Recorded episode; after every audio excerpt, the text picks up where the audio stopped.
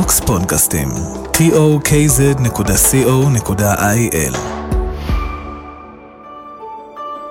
זוויות, עם מירית אסייג ומיכאל מושונוב. אקשן. היי וברוכים הבאים לפרק נוסף של זוויות. אהלן. אה, איזה כיף שאנחנו ממשיכים וזורמים ומדברים ואני פה עם מירית האדירה ואני רוצה להתחיל ולספר לך שראיתי סרט ממש אה, יפה שקוראים לו הסירו דאגה מלבכם. כרגיל לא ראיתי. בסדר ממש חדש הוא יצא ממש אה, ממש אה, השבוע אם אני לא טועה אפילו. וזה סרט שביים תום שובל שהוא במאי ישראלי מבריק הוא היה לו לפני כמה שנים סרט שקראו לו הנוער שמאוד מאוד אהבתי גם. וזה סרט שמשחקת בו הכוכבת ששיחקה בסרט הארטיסט שזכה באוסקר back in the day שחקנית צרפתייה מדהימה. ואני בעקבות הסרט הזה התחלתי לחשוב על הקולנוע הישראלי ועל הוורסטיליות שלו ורציתי קצת לספר לאנשים ולסדר להם את הראש לגבי הקולנוע הישראלי. יאללה. אז קודם כל זה סרט מומלץ, תלכו לראות אותו, זה בקצרה בלי לעשות ספוילרים, מדובר על, אה, על מישהי מאוד מאוד מאוד עשירה, שבעלה נפטר והיא מחליטה לעשות אה, כל מיני מעשים עם הכוח שלה והכסף שלה, וזה מייצר איזשהו אה, מעשייה מעניינת מאוד על הפערים החברתיים שיש פה במדינת ישראל ובכלל, וזה מקסים, תראו את זה. עכשיו אני רוצה לדבר על הקולנוע הישראלי.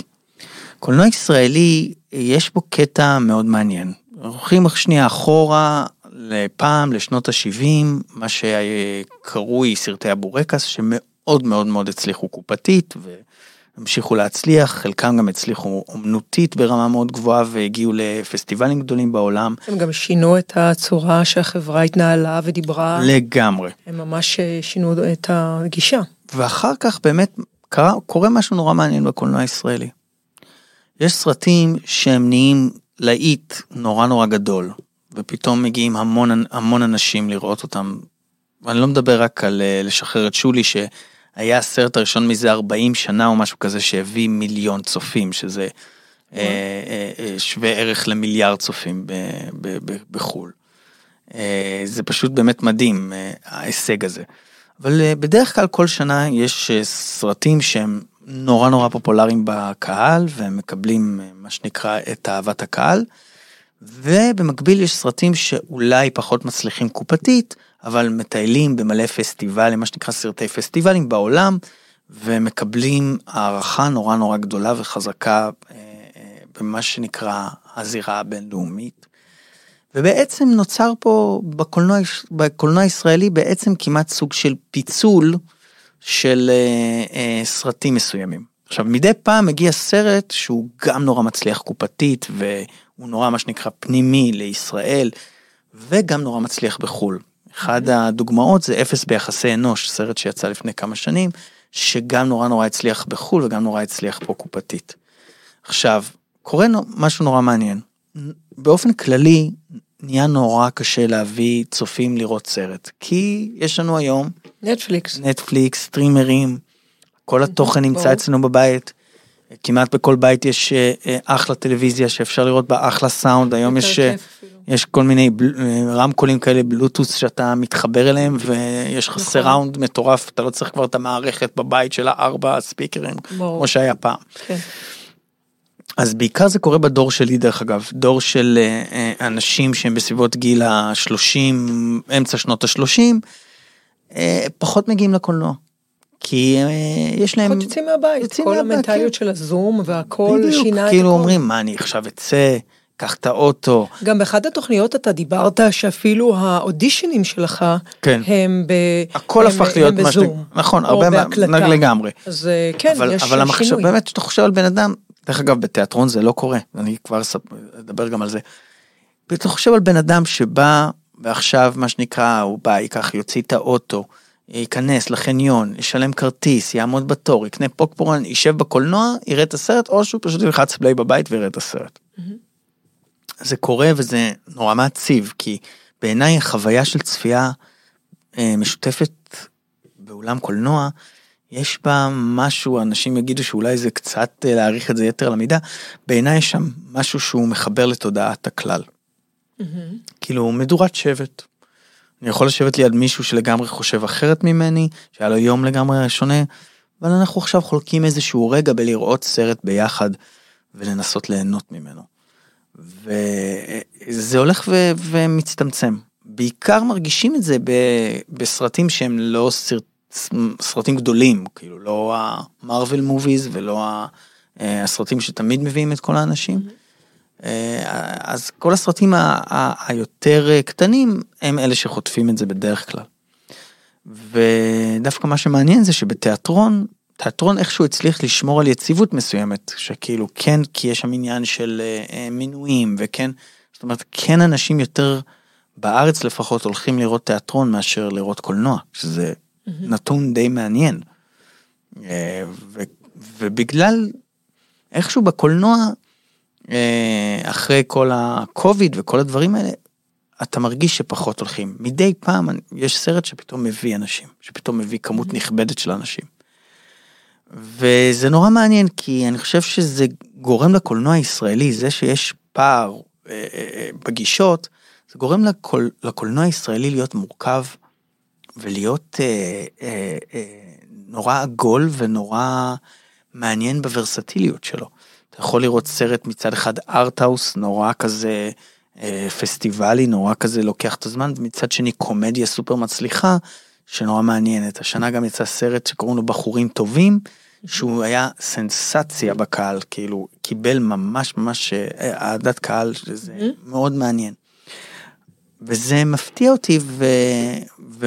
וגורם לי לשאול את השאלה הלאה, לאן הקולנוע הישראלי הולך, ועד כמה הוא ייכנע בסופו של דבר להיות קולנוע של סטרימרים. אני, אה, כשאני מסתכלת על, אה, על הקולנוע, אה. כ-lay person, בן אדם רגיל, אני לא, אני לא שחקן ואני לא... למרות שבקלות היית יכולה להיות, דרך אגב. ולא, אני באמת חושב את זה. תודה. אה, אני מבינה ממך שיש שני סוגים של אה, קולנוע ישראלי, ה-in-house הישראלי בארץ, כן. והחולניקי. ו- תראי, תחת אותה קורת גג. כן. אבל, אבל, אני, אני חושב שזה יותר ויותר מתחדד לי שכן. כן, והדבר הנוסף, אני בחוויה שלי לא באה לקולנוע, אנחנו הולכים לקולנוע, בעיקר חשוב לי שהבן שלי, כן. כן. שהוא בן עשר, יחווה את הדבר הזה. כן. אני גדלתי בקולנוע, אה, ובשבילי אה, קולנוע או לראות back to back סרטים, כאילו מאחד לשני, וזה היה, זה כיף. תמיד היה כיף. אני זוכרת את עצמי בתור ילדה חוסכת לעצמי את הלירות האלה כדי שאני אוכל לראות סרט. אה, החוויה מול המסך הגדול היא לא אותו דבר כמו לראות ב... אה, לא יודעת, ב-30 מטר, 30 מטר בבית. אה, נכון, או ואז, אה, באייפון, שזה גם כן. קורה. זה, זה חוויה אחרת. נכון. זה נותן תחושה אחרת, זה מחבק אותך אחרת, זה מפעיל חושים אחרים מבחינתי. זה ממקד, זה- יש חושך באולם, כן. יש אנשים באולם. אתה יש בבית... כאלה שמפריעים באולם. ברור, הרבה. אני זוכר שהיינו, הולכים, יש לי זיכרון תמיד שהיינו הולכים לקולנוע רב חן. את זה שעם השוקולד גלנג. אז לא רק השוקולדים וזה, היה ממש ככה. כשהייתי ילד, זה ממש זיכרון שכבר באמת נשמע פרה-היסטורי. כשהייתי ילד, היינו הולכים לקולנוע רב חן בתל אביב, בחוץ היו לפחות, לפחות. אה, לפחות 700 ילדים, או משהו כזה, והיה מקדונלדס ליד, וזה היו נכון. נעים בין המקדונלדס לרב חן, והיית נכנס פנימה והכל היה מפוצץ עד אפס מקום, ורגע, 20 דקות אחרי שהסרט התחיל, לייזרים על המסך היה, וכולם היה לייזרים, כולם התחילו לעשות לייזרים על המסך, וזה היה חוויה עוצמתית, המקום הזה שאתה יושב ורעש, וכולם רואים את הסרט, וחיכינו לסרטים. ו... וגם, אתה יודע, אני זוכרת, מבחינתי, יש הבדל גם בין הרשתות הגדולות האלה, ואני לא אומרת משהו על הרשתות. כן, כן, כן. אני אומרת משהו על ההבדל. אה, יש הבדל בין הרשתות הגדולות האלה, שהם כולם אה, אה, כאילו אותם סרטים, אותו דבר. היה פעם איזה נישה כזאתי, שקראו לה קולנוע פריז וקולנוע תמוז. נכון.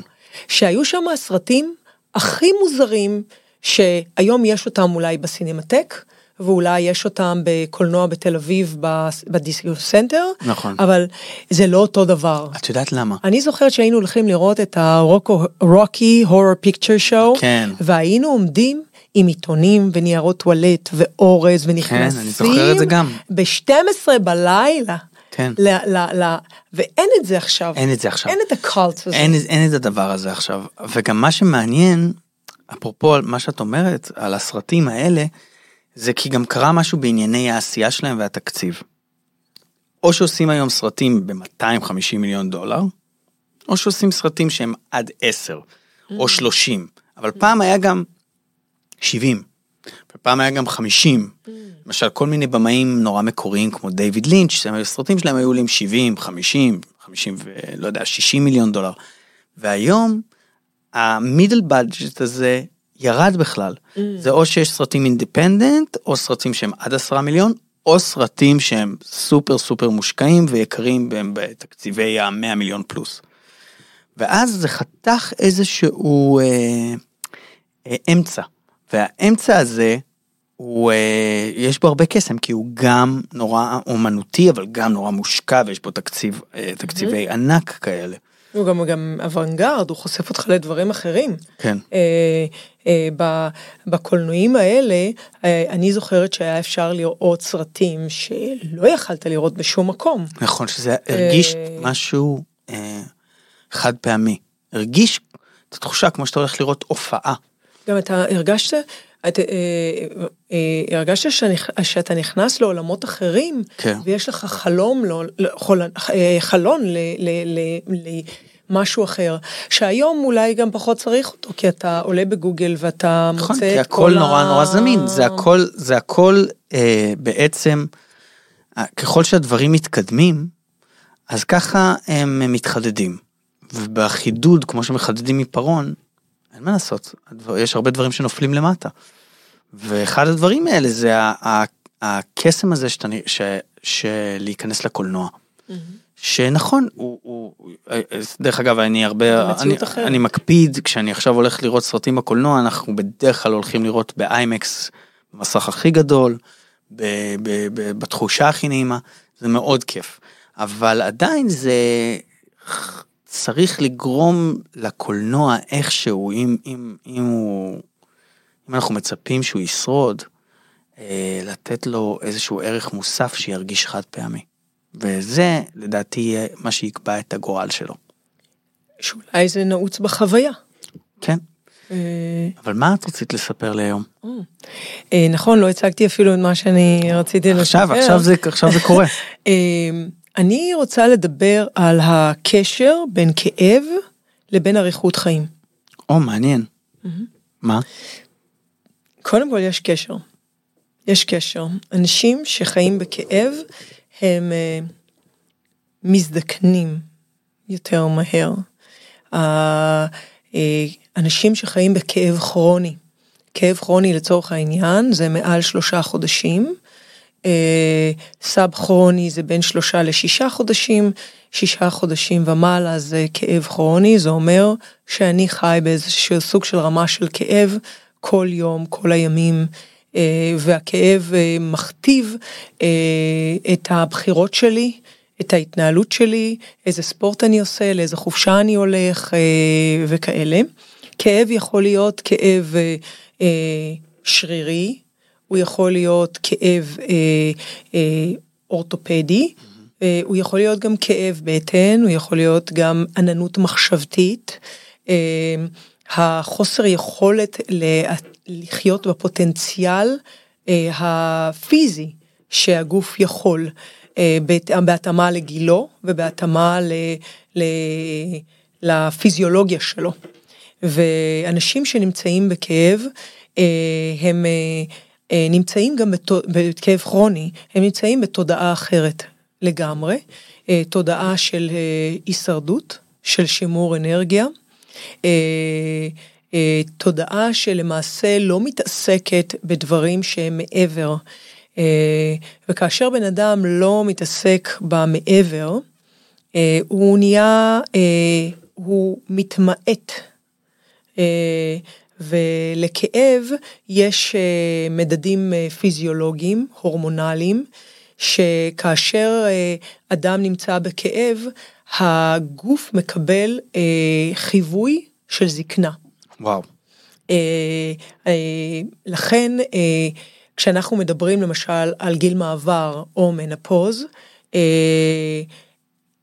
הכאב גם עם הגיל יש יותר ויותר כאבים, פחות, המנגנונים, המנגנונים שמחזירים אותנו לפחות כאב, כן. הם אה, פחות טובים, מכיוון שההורמונים שלנו מתמעטים, ואנחנו יודעים את זה שמגיל אה, 30 בערך, אנחנו מתחילים דעיכה.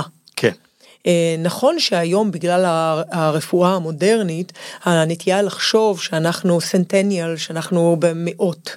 אה, ואנחנו מינימום 86, ונכון, תוחלת החיים עלתה, אבל זה תלוי גם הרבה פעמים אנחנו שואלים את עצמנו באיזה מחיר תוחלת החיים עלתה. כן. אה, ואנשים שלא מבינים שלמעשה תהליך הזקנה מתחיל בגיל 30, אני מבין את זה. אה, אני הבנתי, לי נפלה ההבנה הזאת כבר.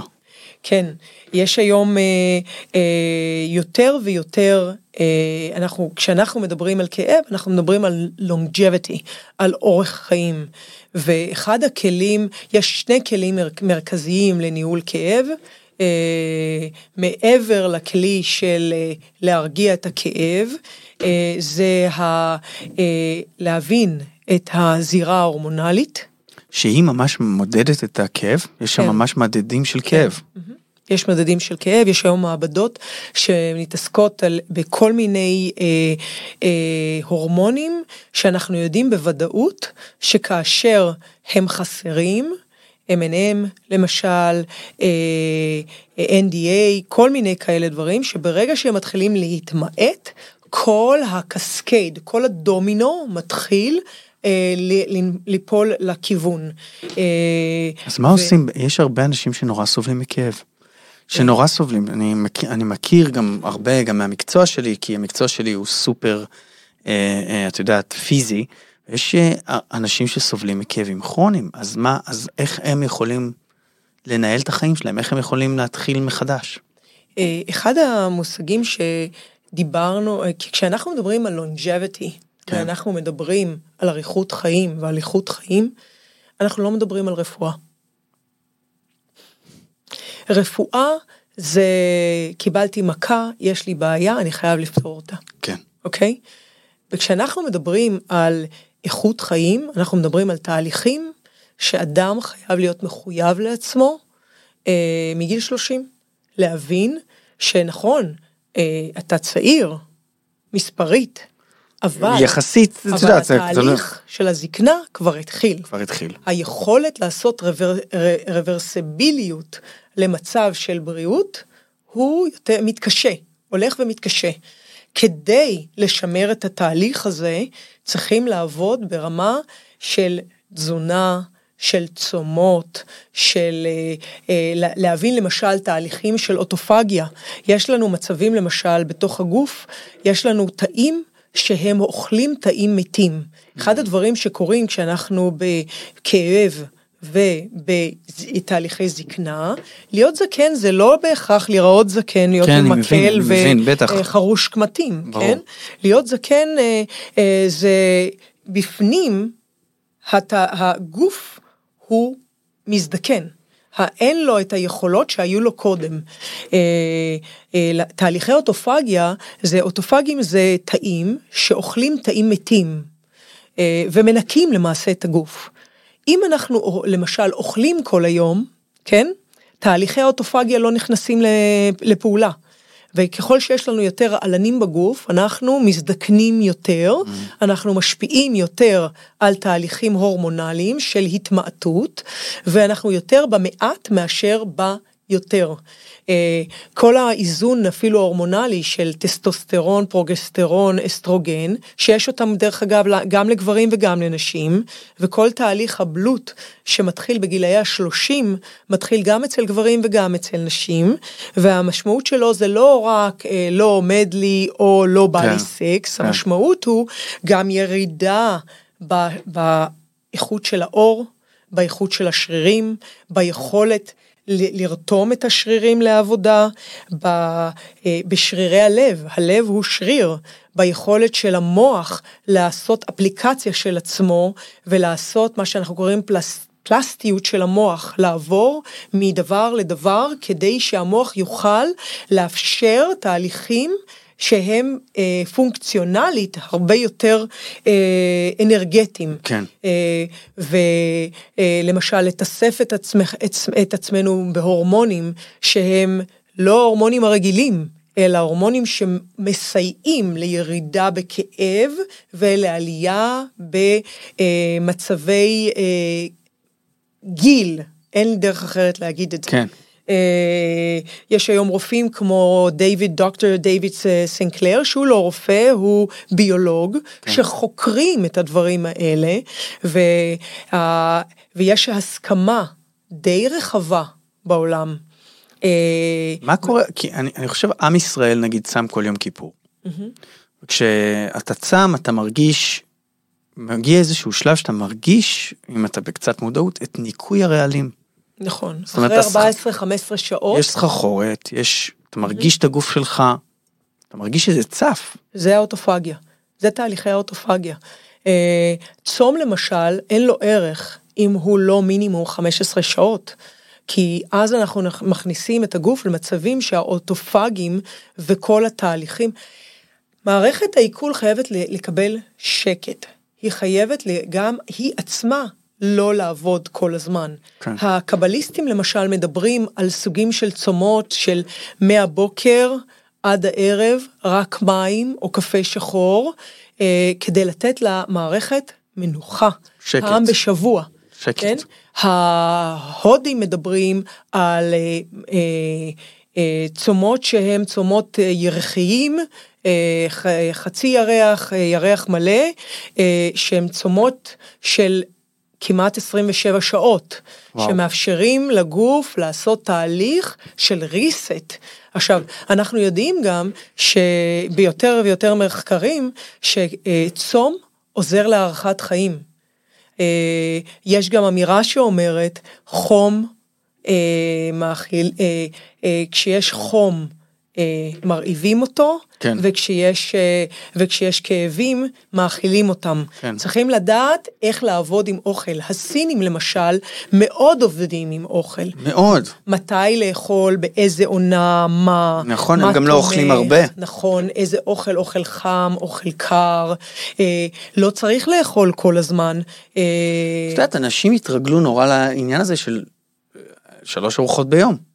כאילו, זה, זה נהיה, זה נהיה איזה משהו שהוא סטנדרט שגדלנו עליו, ב- את יודעת, הקורנפלקס בבוקר, צהריים וארוחת ערב.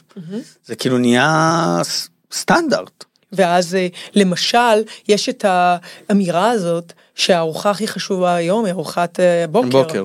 היום יש מחקרים שמסתכלים על זה ואומרים, רגע, אם אני למעשה לא אכלתי מאתמול, נגיד בשמונה, תשע בערב, ואני עכשיו לא אוכל ארוחת בוקר, אני מקבל תהליך אוטופגי אם אני מתחיל לאכול ב-12.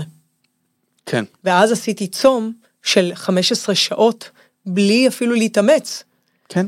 ויש היום יותר, זאת אומרת, נראה לי שבאמת זאת הדרך הכי טובה להתחיל.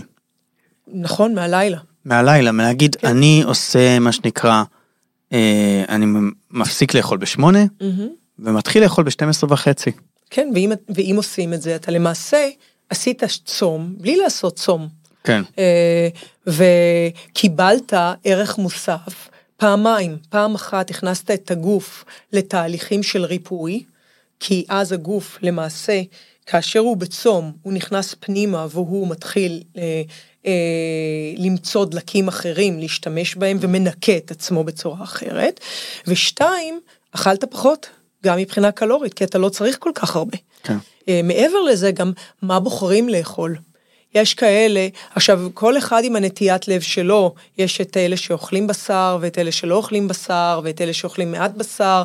אה, אני בגישה שלי מסתכלת על זה, לפיל יש שלוש שיניים, והן שטוחות. והם בגישה שלהם ובאוריינטציה שלהם ובצורה שלהם, הן מדברות על זה שהוא בנוי לצמחונות. לנו יש את כל סוגי השיניים בפה. אז אין לי פה דעה על צמחונים וטבעונים, כן. אבל זה מכתיב גם איזה סוג של אוכל צריכים לאכול. צריכים לאכול גם גרגירים וגם צמחים וגם בשר וגם אה, כל הדברים האלה. עכשיו, ה... להיות מאוזן, אה. הרעיון הוא, לדעתי, ואני לא בן אדם שאוכל הרבה בשר, כן. אבל אני לא אקרא לעצמי בשום הגדרה. תשמעי, אני אה, לא אוכל בשר מ-2012. ולי זה טוב. אני, אני, לי זה, הטבעונות היא טובה. יש כאלה שזה פחות טוב להם, שהם בסדר, אני גם לא מאלה ש... שמטיפים, כאילו, אני, that's my way. והרבה פעמים אני מרגיש ש... אה, שבתוך הטבעונות, אפרופו מה שאת אומרת, אני חייב להקפיד על חלבון, נכון. על חלבון, על אה, איזון, על פ- fiber, על זה שיהיה לי כאילו את כל הדבר הזה, אחרת, אחרת אתה תסבול מעננות מחשבתית, נכון, מעייפות, נכון. מ- מזקנה בטרם עת. נכון. אה, של הגוף. אה, ויש אה, גישות בטבעונות בארצות הברית שמדברות על, אה, בתוך הטבעונות, כן. להתייחס לבשר כתרופה. זה אומר שפעם בשלושה חודשים, חצי שנה, אוכלים 60 גרם בשר כתרופה, כדי לקבל את מה שיש בבשר. אה, אני לא בעד... אה, אה, מדבר, קיצוניות. לא, את מדברת על זה ממקום, אה, אני מבין בדיוק. עכשיו, אני גם נגד, אני למשל חיה בתזונה קטוגנית. זה אומר שמהות האוכל שלי היא בר- אה, בנוי בעיקר על חלבון, מהחי, בשר, עוף, דגים, ביצים. ביצים, כן. אבל אפשר להיות חזיר בתוך הדבר הזה, ולאכול המון בשר, והבעיה מבחינתי זה כאשר אדם לא מכבד. אני צריכה לאכול בשר, אבל אני לא צריכה לאכול המון בשר בשביל ל- להתקיים. המ- המידתיות, כן? המידתיות. המידתיות היא מאוד חשובה. כן, אה, תשמעי, בטבעונות, אחד, אחד הדברים הדברים המאתגרים שקרו לי בטבעונות, ששמתי לב שאני נורא רוצה לאכול רק לחם. ואז הפסקתי עם הלחם. זה היה קשה, אבל הפסקתי עם הלחם, ואז, ואז יותר התרכזתי בקינואה, בטופו, יש עכשיו כל מיני תחליפים שהם, נכון. שהם סייטן. שהם סייטן, בלייצר את זה, זה עבודה, כן? אבל אני תמיד אומר, אני תמיד אומר שזה מתחיל בכמויות ובאיזונים. ופ- וכשאת מדברת על לצום, זה עוד יותר מחדד לי את זה, כי כשאתה צם אתה באמת נותן שנייה מקום לאיזון. כאילו הבטן שלי ישר כל הזמן עובדת, כל הזמן עובדת, כל הזמן מתי אני נותן לה שנייה שקט, שקט. גם תזונה, אה, חומציות גבוהה בגוף גורמת לזקנה, גורמת למערכות שלא מתפקדות, מאפשרת לדלקות לשכון בתוך הגוף. כן. אה, לכן צריכים לדעת גם, כאשר בן אדם אוכל בשר, הוא צריך, צריך לדעת מה הוא אוכל. כי אה, אם אתה אוכל יותר דגים, או דגים לבנים לעומת דגים אדומים, כן. או אה, אם אתה אה, אוכל ביצים, מתי אתה אוכל אותם. ביצה למשל, זה תחילת החיים. נכון. היא ביצה, לא נעים לי להגיד, אבל זה המחזור של, ה... נכון, של, ה... של נכון, כן. התרנגולת. כן. שם יש את הכל. אז יש שם B12, יש שם כל מיני דברים. היא מטילה אותה בכל מקרה. אז ברמה העקרונית, זה לא איזה משהו שאתה פוגע. ב... יכול כן. להיות שיהיו כאלה שיתווכחו איתי, כי זה כן, ברור. אמור להיות תפוח וכל מיני כאלה דברים, אבל אה, ביצה היא תחילת החיים. היא יכולה לתת B12 והיא יכולה לתת את כל הדברים שצריך. עכשיו, יש היום, יש גם מחקרים שמדברים על, אה, על אה, מי יכול לעשות טבעונות, ומי יכול לעשות צמחונות, ומי יכול להיות קטוגן. לפי ומי... סוג דם וכאלה? לא, לפי, אתה מסתכל על הבן אדם, יש המון המון דברים בבדיקות הדם שיכולים להכ- להכריע, יש גם מבנים של אישיות שלא יכולים לצום, לא לכל אחד צום זה טוב. אז איך אה, בודקים את זה? אה, בודקים את זה על ידי בדיקות דם, על ידי רמות הורמונים. דרך אגב, בדיקות הדם, רק כדי לסבר את האוזן לאנשים, בדיקות הדם למעשה זה רשימה של הורמונים שקיימים בדם. אשכרה. אוקיי? ואנחנו רוצים לנטר את זה. עכשיו, ברפואה תפקודית, אנחנו לא מתעסקים בכוכביות האדומות שנמצאות מחוץ לסוגריים. בכוכביות האלה זה רפואה, כן. אוקיי? כן, כן. אנחנו מתעסקים בתפקוד. כאשר יש לי בלוטת תריס שמתחילה לנוע מהמרכז שמאלה או ימינה, אני יודעת שיש בעיה. אוקיי? כאשר, ויש בדיקות שבישראל לא משתמשים בהן, שלמעשה נותנות, נותנות הערכה מאוד מדויקת ל tendency, לנטייה ההורמונלית של בן אדם, והן בדיקות פשוטות, אבל בישראל לא רוצים לתת אותן כי הן יקרות יותר. אה, למשל קולסטרול, כן? כן. קולסטרול לצורך העניין אה, הוא לא תמיד בעייתי. אוקיי? ורק כדי לתת לאנשים אה, כלי, יש את ה-HDL ו-LDL. תמיד אנשים אומרים, לא יודע מי הרע, מי הטוב, מי הרע כן, הדוב. כן. אז, אה, אז HDL זה happy, וואלה. זה הטוב, נכון. ו-LDL זה lousy, זה הרע. אז אה, נתנו איזה כלי, אבל... ה- כלי טוב. אבל הכולסטרול, הוא יכול להיות טבעי, כמו גם סוכר, שיכול להיות טבעי לאדם שהוא גבוה, או כן, נמוך. כן. ואסור לאזן לבן אדם שהוא גבוה לערכים נורמליים, כי הערכים הנורמליים הם לא הנורמליים שלו. לכן חייבים להסתכל המ- על המ- טרנד. המידות שלו. נכון. ולכן מאוד חשוב עוד פעם, את רואה, זה חוזר למיד- למידתיות. למידתיות ולטנדנסי, לנטייה. מה הנטייה של הגוף, מה הנטייה של האדם. לכן ברפואה תפקודית, מה שאני עושה אצלי בקליניקה כן. או במרכז, כן. אה, הוא משהו שמסתכל על הנטייה.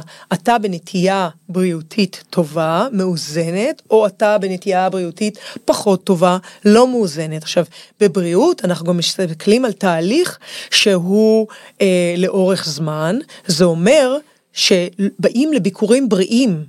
כן, מה שנקרא לתח... לא, כן. כן, לתחזוקה, לתחזוקה, כן, לאפקיפ. כן, באנגלית אנחנו כן. קוראים לזה אפקיפ, אנחנו לא קוראים לזה maintenance.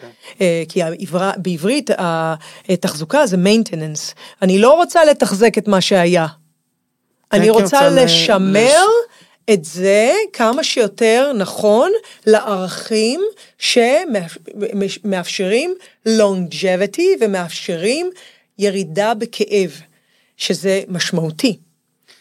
טוב, הגענו לסוף עוד פעם, זה היה ממש כיף, מה נגיד שטל, שאנחנו, תזכרו שאם אתם בני 30 אז אתם מתחילים את הזקנה, כן, לא נעים לי להגיד את את זה. לא אבל- נראים ככה, לא נראים ככה, אבל ככה, ותשמרו על עצמכם, ושצום צריך לעשות מדי פעם, רק צריך לבדוק שזה מתאים. ודרך אגב, בריאות באה מבפנים, היא לא באה מבחוץ, לא מבוטוקס ולא משום דבר. כן. אה, איכות של אור לא באה מבחוץ, היא באה קצת מגנטיקה, אבל היא באה יותר מבפנים.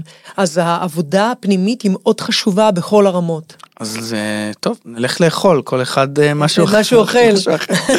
יאללה, שיהיה שבוע טוב, יום טוב. שבוע נהדר. נהניתם? מכירים מישהו שהפרק הזה יכול לעניין אותו? שילחו לו, תהיו חברים. רוצים עוד תוכן מעניין? כנסו לטוקס, tokz.co.il